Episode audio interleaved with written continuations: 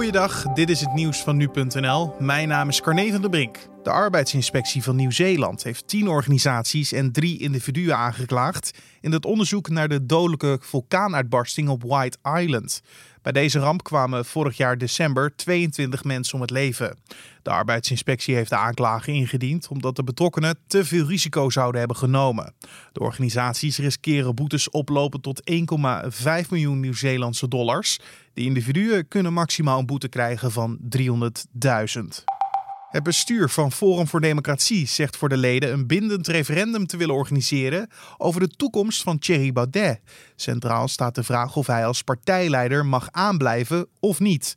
Het bestuur wil daarnaast zo snel mogelijk een algemene ledenvergadering houden. Daar zal over de toekomst van de partij worden gesproken, afhankelijk van de uitkomst van het referendum. Bijna 100 Franse politieagenten zijn zaterdag gewond geraakt door ongeregeldheden tijdens massale protesten tegen politiegeweld in het land. Zo liet de minister van Binnenlandse Zaken op Twitter weten. In het land ontstond afgelopen week ophef nadat bewakingsbeelden naar buiten kwamen, waarop een 41-jarige zwarte muziekproducent door agenten in elkaar wordt geslagen in zijn studio in Parijs. Daarnaast is er ook ophef om een nieuw controversieel wetsvoorstel dat het verspreiden van beelden van agenten inperkt.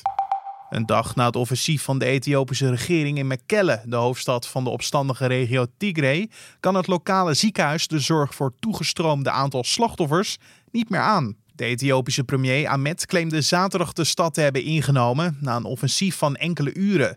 Daarbij zouden volgens de premier geen onschuldige burgers het doelwit zijn geworden. In de rest van de regio lijkt het nog altijd onrustig te zijn. Zo zei de leider van de regionale militie TPLF gisteren tegenover persbureau Reuters een militair vliegtuig te hebben neergehaald en een stad te hebben heroverd. En tot zover de nieuwsupdate van nu.nl.